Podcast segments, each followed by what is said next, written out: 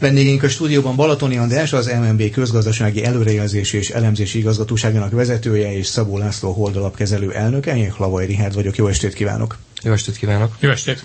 Mai témánk a GDP, nézzünk kiindulási alapként néhány számot. A Nemzetgazdasági Tárca közlése szerint 2017-ben 4,1%-kal nőtt Magyarország GDP-je.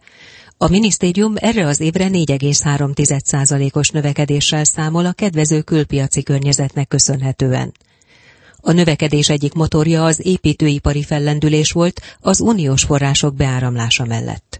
A közelmúltban a Világbank is felfelé módosította a magyar növekedési kilátásokra vonatkozó előrejelzését összefüggésben a globális növekedési kilátásokkal. A washingtoni székhelyű szervezet számításai szerint a világgazdaság ebben az évben 3,1%-kal gyarapodhat. Az előrejelzések azonban több kockázatra is figyelmeztetnek, ilyen az uniós források súlya és a munkaerőhiány. Az építőipar még a tavalyi negyedik negyedévben is 30%-kal bővült, viszont a megrendelések száma az épületek körében már csökkent. A lakásépítés kedvezményes forgalmi adójának megszüntetése például komolyan visszafoghatja az ágazatot. És akkor folytassuk az elemzéssel. Eh, nézzük elsőként talán azt, egy nagyon pici módszertani kitekintésként, hogy eh, hogyan mérjük és jól mérjük-e önök szerint a GDP-t, Balatoni András MNB? A GDP-nek egy nagyon rég kialakult, a múlt század 50-es éveiben kialakult módszertana van, Azonban fontos hangsúlyozni, hogy a GDP az egy közgazdasági kategória. Tehát nem lehet mindent a statisztikusoktól várni. Én úgy gondolom, hogy a gazdaság, a, a közgazdaságtan és a statisztika az kéz a kézben fejlődik. Általában különben a gazdaságból jön a, a fejlődés, ezt erre próbál reagálni a közgazdaságtan, mint, mint tudományág, és a, és a statisztikát is ebbe próbálja egyre inkább inkorporálni. A legfrissebb növekedési jelentésünkben különben külön kitérünk arra, hogy mondjuk egy infokommunikációs kornak a, a gazdasági tevékenységét, vagy vajon jól méri ez a GDP nomenklatúra, ami még egyszer hangsúlyozom, a múlt 50-es éveiben lett kialakítva, és hát azóta természetesen fokozatosan adjusztáljuk ezt, közgazdászok és statisztikusok, de azért összességében úgy látjuk, hogy itt vannak olyan fehér foltok a GDP mérésében, amik mindenképpen eltorzítják ezt a, ezt a fajta gazdasági teljesítmény mérést. Hogy mondjak egy nagyon egyszerű példát, hogyha valaki a, a 2000-es évek elején megvette egy CD-t, azt berakta a lejátszójába, a CD lejátszójába, és azt, azt, azt hallgatta. Mivel megvásárolta azt a CD lemezt, azért ez beleszámított a GDP-be. Most, hogyha valaki egy online felületen egy videoklipet megnéz, ugyanazt a zenét nagyjából hasonló minőségben tudja élvezni, azonban nem számít bele a GDP, mert a piaci tranzakció nem kapcsolódik hozzá. És nagyon érdekes, megvizsgáltuk például azt is, hogy a, a magyar lakosság mondjuk 2000-ben, 2000 és 2014 között sokkal kevesebbet költ könyvekre, vagy újságokra. Viszont, hogyha megnézzük azt az időfelhasználásban, hogy időben mennyit szán a háztartás arra, hogy olvasson, akkor az látható, hogy nincsen itt semmilyen csökkenés, sőt igazából az olvasásra fordított idő még emelkedett is egy kicsit. Tehát Igaz, hogy a piaci tranzakcióknak a volumene, amit a KSH jelen pillanatban mér, az lehet, hogy csökken, mondjuk az újságokra, újságra fordított eh, eszközök vagy pénzeszközök tekintetében, azonban az a jólét növekedés, amit az olvasás jelent, az továbbra is jelen van a, eh, a, a gazdaságban, még akkor is, hogyha ez egy nagyon nehezen kimutatható tényező a GDP esetében. Tehát úgy gondolom, hogy a GDP-t folyamatosan érdemes figyelemmel kísérni, folyamatosan figyelemmel kell kísérni a gazdasági szerkezetnek magának a gazdasági folyamatoknak a változását, és ehhez kell folyamatosan finom hangolni a, a statisztikai módszertant. Szabó László? A tendenciákat jól mutatja, nyilván sokkal többet, tehát ilyen mikropontosságú mérésekre szerintem eh, nem jó a GDP, részben az András által elmondottak alapján is, de egyébként a tendenciákat szerintem ma még többé-kevésbé jól méri, de hogy digitalizálódik egyébként a gazdaság, azt gondolom, hogy egyre nagyobb lesz a nyomás azon, hogy a GDP-t valamilyen módon majd leváltsuk egy másik mutatószámmal. Persze ma beszélgethetünk a GDP-ről, most még betölti az alapvető funkcióját. Nem szabad ilyen század, százalékos pontossággal uh, belekapaszkodni a részletekbe, de még egyszer mondom a tendenciákat. Tehát most a fociba, hogy valaki nyer 4-2-re, az úgy nagyjából valószínű megmutatja a játéknak a menetét, de hát egyébként nem, nem pontosan mutatja a, a játék játékosok közötti szinten, vagy a csapatok közötti eltéréseket. Balatoni András? Én azt szoktam erre mondani, hogy a GDP az a gazdasági tevékenységnek egy rossz, de létező mérőszáma. Tehát lehet, hogy vannak jobb mérőszámok is, egyelőre nem fedeztük fel őket. De ezt fogjuk használni a mai műsorban is, hogyha mondjuk az elmúlt tíz évnek a trendjét nézzük, tehát mondjuk a gazdasági válság, a 2008-as válság kirobbanása óta nézzük mondjuk a magyar GDP, vagy mondjuk inkább azt, hogy a magyar növekedésnek a trendjét, akkor mik a legfontosabb támaszok, és ebben a körben volt-e érdemi változás az önök véleménye meglátása szerint? Balatoni András? Hát természetesen volt. A, a magyar gazdasági kilábalásnak az első fázisa az alapvetően az export és az ezzel együtt járó készlet feltöltés által húzott gazdasági növekedés volt 2010-ben, 2011-ben. Igazából ez nem is volt egy jelentős bővülés. És aztán 2012-ben volt egy európai szuverén adósságválság, amit különben még megfejelt a, a gyenge agrár hozzáadott érték, ugye elsősorban az időjárási viszontagságok következtében, és aztán 2013-tól következett be igazán Magyarországon egy növekedési fordulat, amikor már nem csak a külső tényezők támogatták a gazdasági növekedést, hanem a belső felhasználás is gondolok itt elsősorban a háztartásoknak a fogyasztására, illetve, illetve a beruházásra. És ez a növekedési pálya, amin továbbra is halad a magyar gazdaság. 2016-ban volt egy ideiglenes lassulás, elsősorban a költségvetésnek a e, vártól elmaradó kereslet élénkítése miatt, másrészt pedig azért, mert az EU, e, EU forrás felhasználás, vagy ahogy mi szoktuk mondani, az effektív effektív EU forrás felhasználás, tehát nem csak az, hogy bejön a pénz, hanem valós reálgazdasági tevékenységet is finanszíroz. Ennek a következtében volt egy gazdasági lassulás, azonban a, a tavalyi évtől, ugye mi egy 3,9%-os gazdasági növekedést prognosztizálunk a tavalyi évre, ez furcsán hangzik, de ugye még nem állnak rendelkezésre a, a negyedik negyedéves adatok, tehát már lezártuk a tavalyi évet, de továbbra is prognózisról beszélhetünk, és az idei évben is várhatóan ez a 3,9%-os gazdasági bővülésre számítunk. Ez egy viszonylag kiegyensúlyozott szerkezet szerkezetben valósulhat meg, tehát mind a e, külső tényezők, mind a belső tényezők elsősorban a lakossági fogyasztás, illetve a beruházás hozzá fog járulni ehhez a, ehhez a, ehhez a bővüléshez. Aztán természetesen a ciklus, e, a ciklus kifutása, vagy ciklus, ciklikus tényezők kifutásával a gazdasági növekedés enyhén lassulhat az előrejelzési horizontunknak a második felére, és ezért nagyon fontos, hogy olyan versenyképességi e, változások jöjjenek Magyarországon, amik a fenntartható gazdasági gazdasági felzárkózást érdemben támogatják, és egy tartósan magasabb növekedési pályát vetítenek előre a középtávon. Szabó László, mik a legfontosabb támaszai a GDP növekedésnek? Hát egyrészt világosan látszik, hogy a magyar gazdasági növekedés az európai gazdasági ciklusokat követi. Tehát itt van előttem egy pár ábra, pontosan kicsit nagyobb amplitúdóval lefelé és fölfelé megyünk az európai gazdasággal, főleg mondjuk a nyugat-európai gazdaságnak azon a felével, ahol jelentős piacaink vannak, mint Németország, Ausztria. Nem csoda, magyar külkereskedelem volumene az meghaladja a GDP 200%-át, tehát hogy nagyon-nagyon-nagyon rá vagyunk utalva a külső környezetre. Ennek minden előnyével és hátrányával. Tehát ez, ez az első megállapításom. A második megállapítás az, hogy alapvetően két részre oszthatjuk egy kicsit önkényesen ezt az elmúlt 8-9 évet. Az első mondjuk négy év a válság után az alkalmazkodásnak a, az időszaka, brutális nagy esés volt a GDP-ben, a lakossági költésekben, fogyasztásban még inkább. Ebben az időszakban a sokkot próbálta kiheverni az ország úgy államháztartás, mint lakosság, illetve vállalatok szintjén. Egyébként ez elég jól sikerült, de ez egy elképesztően nagy áldozat volt. Nagyon kevés ország csinálta meg ezt a ezt az áldozatot azáltal, hogy visszafizetett egy csomó hitelt a magánszektor, tehát a lakosság és a vállalatok. Nyilván, ha valaki a bankba fizeti vissza a hiteleit, akkor nem a boltba költi el azt a pénzt. Ez a ciklust eléggé felerősítette, és nagyjából ennek a hitel visszafizetési folyamatnak 2013-2014-ben vége szakadt, visszamentek a hitelállományok egy nagyon-nagyon elfogadható alacsony szintre, és onnantól kezdve pedig elindult a visszatartott fogyasztásnak a növekedése.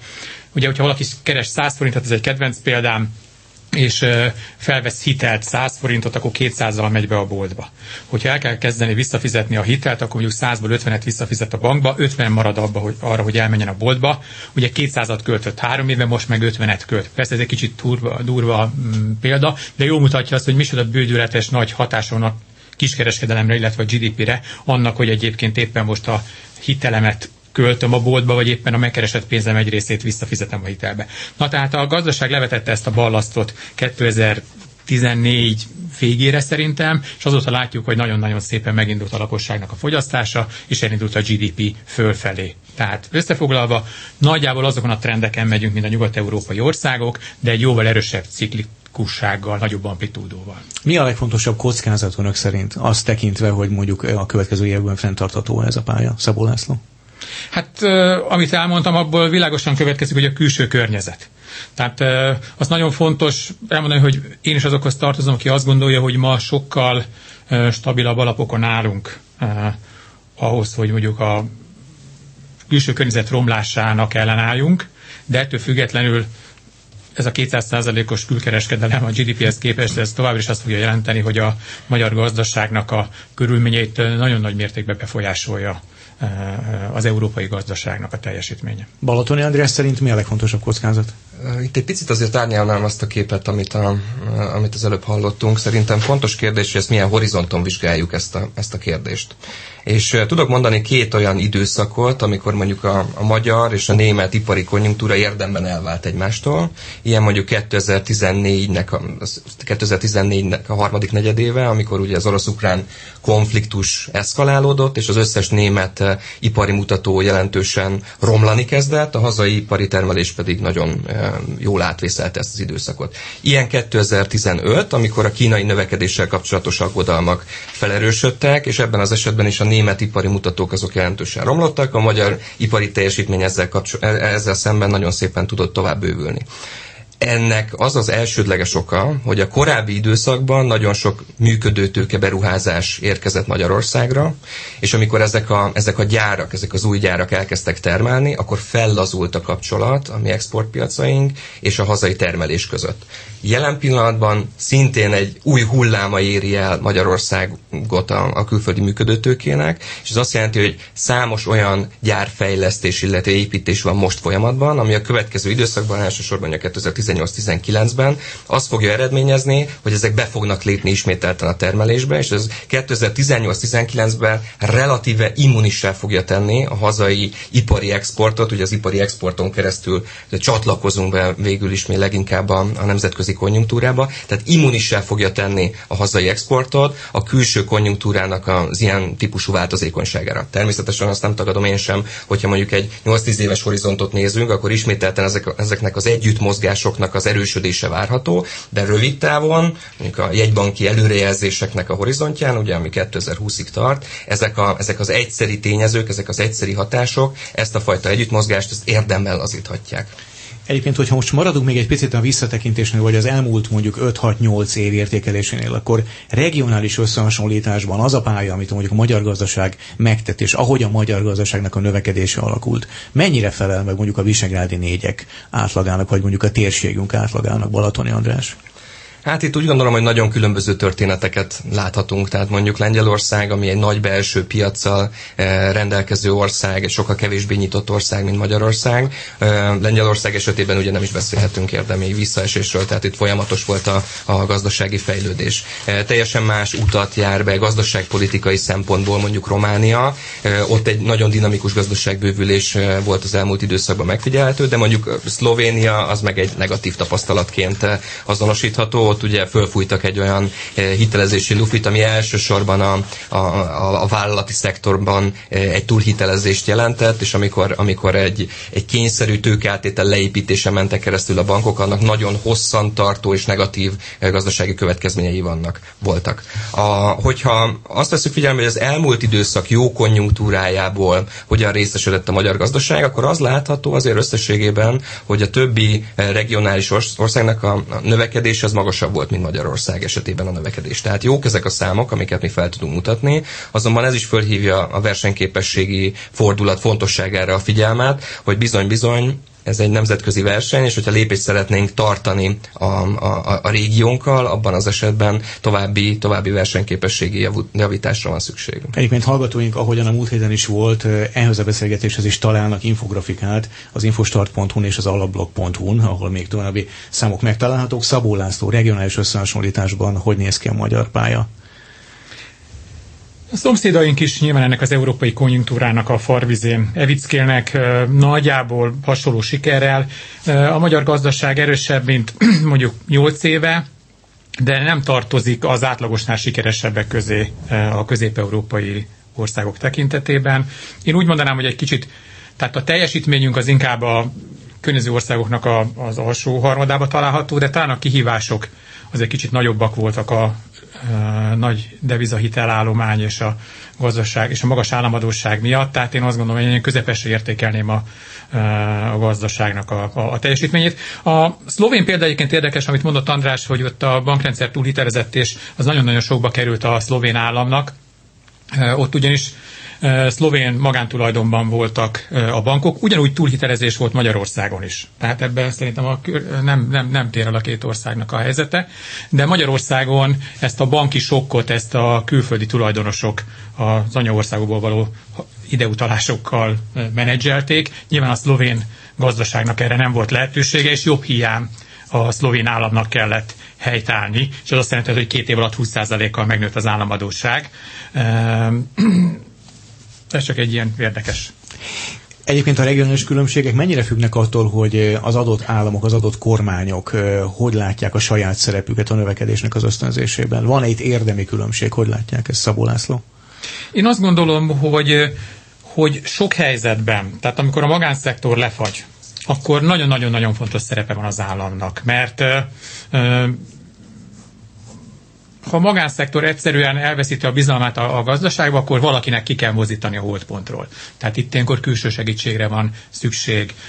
Ugyanakkor nagyon-nagyon határozottan az a véleményem, hogy a normál időkben az államnak a túlságosan nagy súlya az, az negatívan hat a növekedésre.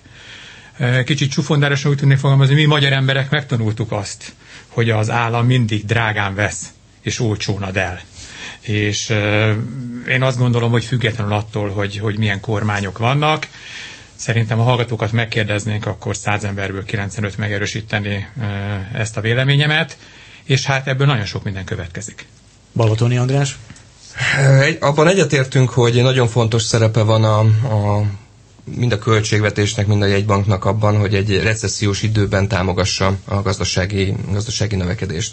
Ugye a, a mi számításaink szerint 2013 és 2016 közötti gazdasági növekedésnek a felét a Magyar Nemzeti Banknak a programjai adták. Tehát amikor Magyarországon egy úgynevezett credit crunch, egy credit szűke, e, egy hitel szűke, elnézést kérek, állt elő, abban az esetben a Magyar Nemzeti Bank belépett erre a piacra, és 40 ezer kis és középvállalatnak hitel hitelt biztosított, ezáltal puhítva a hitel kínálati korlátokat, és ezzel egy jelentős növekedési impulzust adva a gazdaságnak.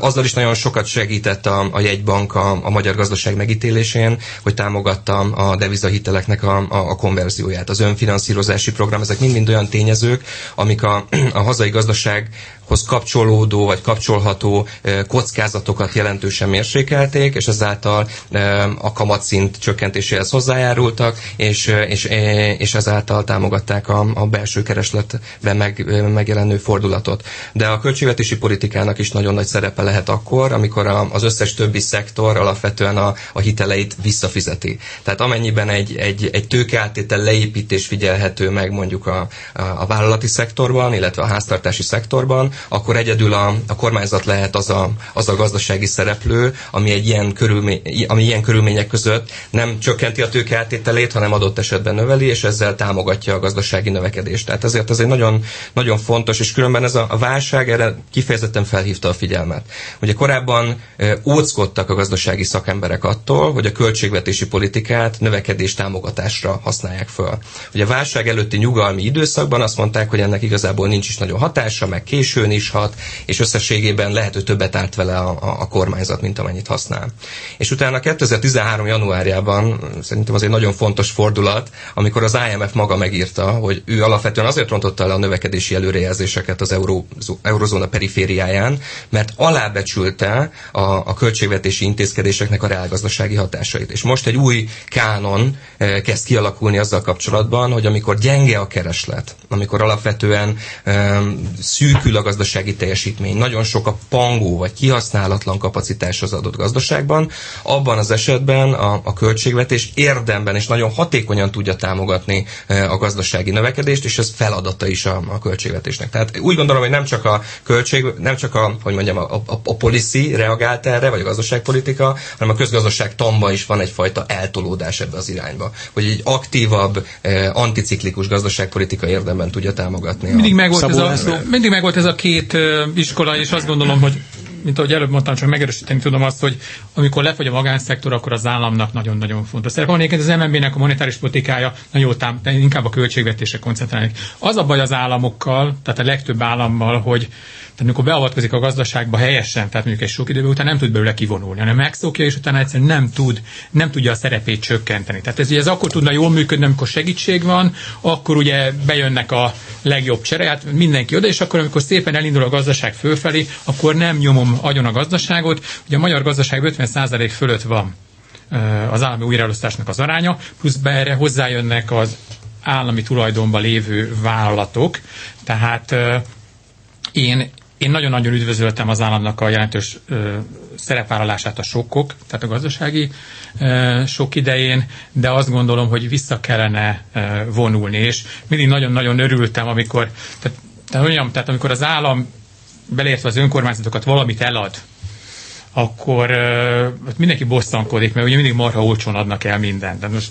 tudok mondani példákat itt politikailag kiegyensúlyozottan, hogy most nem tudom, a szócik meg a liberálisok ingyen eladták az András úti palotákat, az ötödik kerület meg ingyen eladta a lakásokat a haveroknak, és akkor mindig azt mindenki mondta, hogy ja, ja, és mondom, jó, de legalább el van adva, jó van, az meg nem onnantól ez normálisan működik.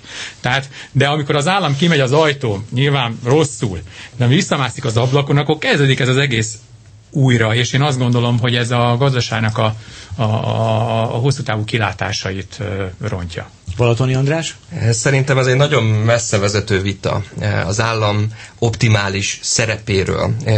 Szerintem meg kell találni azokat a, azokat a helyeket, ahol fontos, akár tartósan is, hogy jelen legyen az állam. Ilyen mondjuk a kutatásfejlesztés, ugye természetesen ilyen az oktatás. Vannak kifejezetten rossz példák, amikor mondjuk privatizáltak valamit. Az egyik ilyen fontos példa szokott lenni az Egyesült Királyságban a vasút, amit egyszer ugye privatizáltak, és kiderült utána, hogy mégsem, mégsem volt ez annyira jó döntés, ismét államosítani kellett. Tehát meg kell nézni, hogy mi, mik azok a helyek, ahol a piac nem jól működik. Ezeket úgy nevezik, hogy externáliák. Ezek az externális hatások azok, amikor nem lehet teljesen a piaci árakkal tükrözni a teljes társadalmi költségét az adott tevékenységnek. Tehát az, hogy mondjuk van egy költsége annak, hogy jár egy, jár egy vonat A és B pont között, annak természetesen tükröződnie kell az árakban, viszont azok az árak nem feltétlenül tükrözik azt a hasznosságot, ami azt jelenti, hogy a két pontot összekötöttük, és emberek, hogy mondjam, gazdasági tevékenységet folytathatnak a két, két pont között, vagy meglátogathatják a rokonaikat. Tehát ezek olyan fontos tényezők, amik igenis hozzájárulnak egy, egy társadalom jólétéhez, egy gazdaságnak a hosszú távú növekedési eh, perspektívájához, és akkor lehet mondani, hogy Magyarországon persze nagy az állam, és ebben, abban egyetértünk, hogy pici, de hatékony állam az a legjobb, de mondjuk a svéd állam, arra semmiképpen nem mondanám, hogy az annyira pici, viszont mégis lehet mondjuk hatékonyan menedzselni. Tehát az északi modell, a skandináv modell országaiban egy nagyobb állam apparátussal is, egy alacsony, eh, vagy egy magas, magas hatékonysággal működő eh, svéd modell is érdemben hozzá tud járulni a gazdaság versenyképességéhez, annak ellenére, hogy az államnak a redistribúciós költsége az viszonylag magas. Szabó László? Én azt gondolom, persze aztán elfeszítsük túl ezt a, a témát, mert meg, megér egy önálló adás, de nyilván egy skandináv kultúra, ott a közkiadásoknak a menedzselése, a közvagyonnak a, a megőrzése az egy sokkal erősebb alapokon nyugszik, mint mondjuk ahogy közeledünk a Balkán felé, és ugye mi ugye eléggé közel vagyunk hozzá. Tehát ez, ez nagyon-nagyon fontos. A környező országokhoz képest jóval nagyobb az újraelosztásunk, és szerintem ez hiba is. Az állam az a hétköznapokban nem az államot jelenti, hanem hogy bemész a sürgősségi ellátásra, és akkor egy napot ott vagy 12 és rossz esetben meghalsz. Vagy beíratod a gyereked az iskolába, és a alul fizetett motiválatlan tanárok képviselik az államot.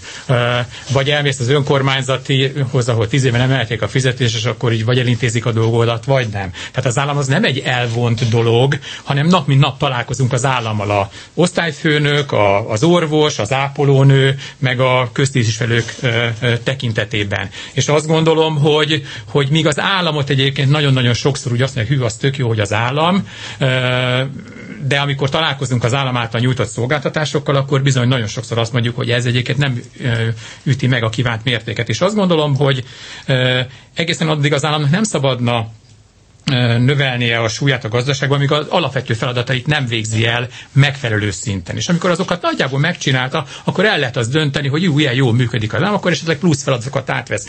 De amíg egyébként nem működik jól, nem működnek az állam által nyújtott szolgáltatások, addig szerintem nem kellene ezeket halmozni, mert csak becsapjuk magunkat. Ettől nem lesz hatékonyabb a gazdaságunk. Szabó László, a Holdalapkezelő elnöke és Balatoni Andrásnak Magyar Nemzeti Bank közgazdasági előrejelzési és elemzési igazgatóságának vezetője a vendég vendégeink ma este, hallgatóink ezt a beszélgetést felvételről hallják, rövidesen folytatódik a párbeszéd a gazdaságról, a hírek után tartsanak velünk továbbra is.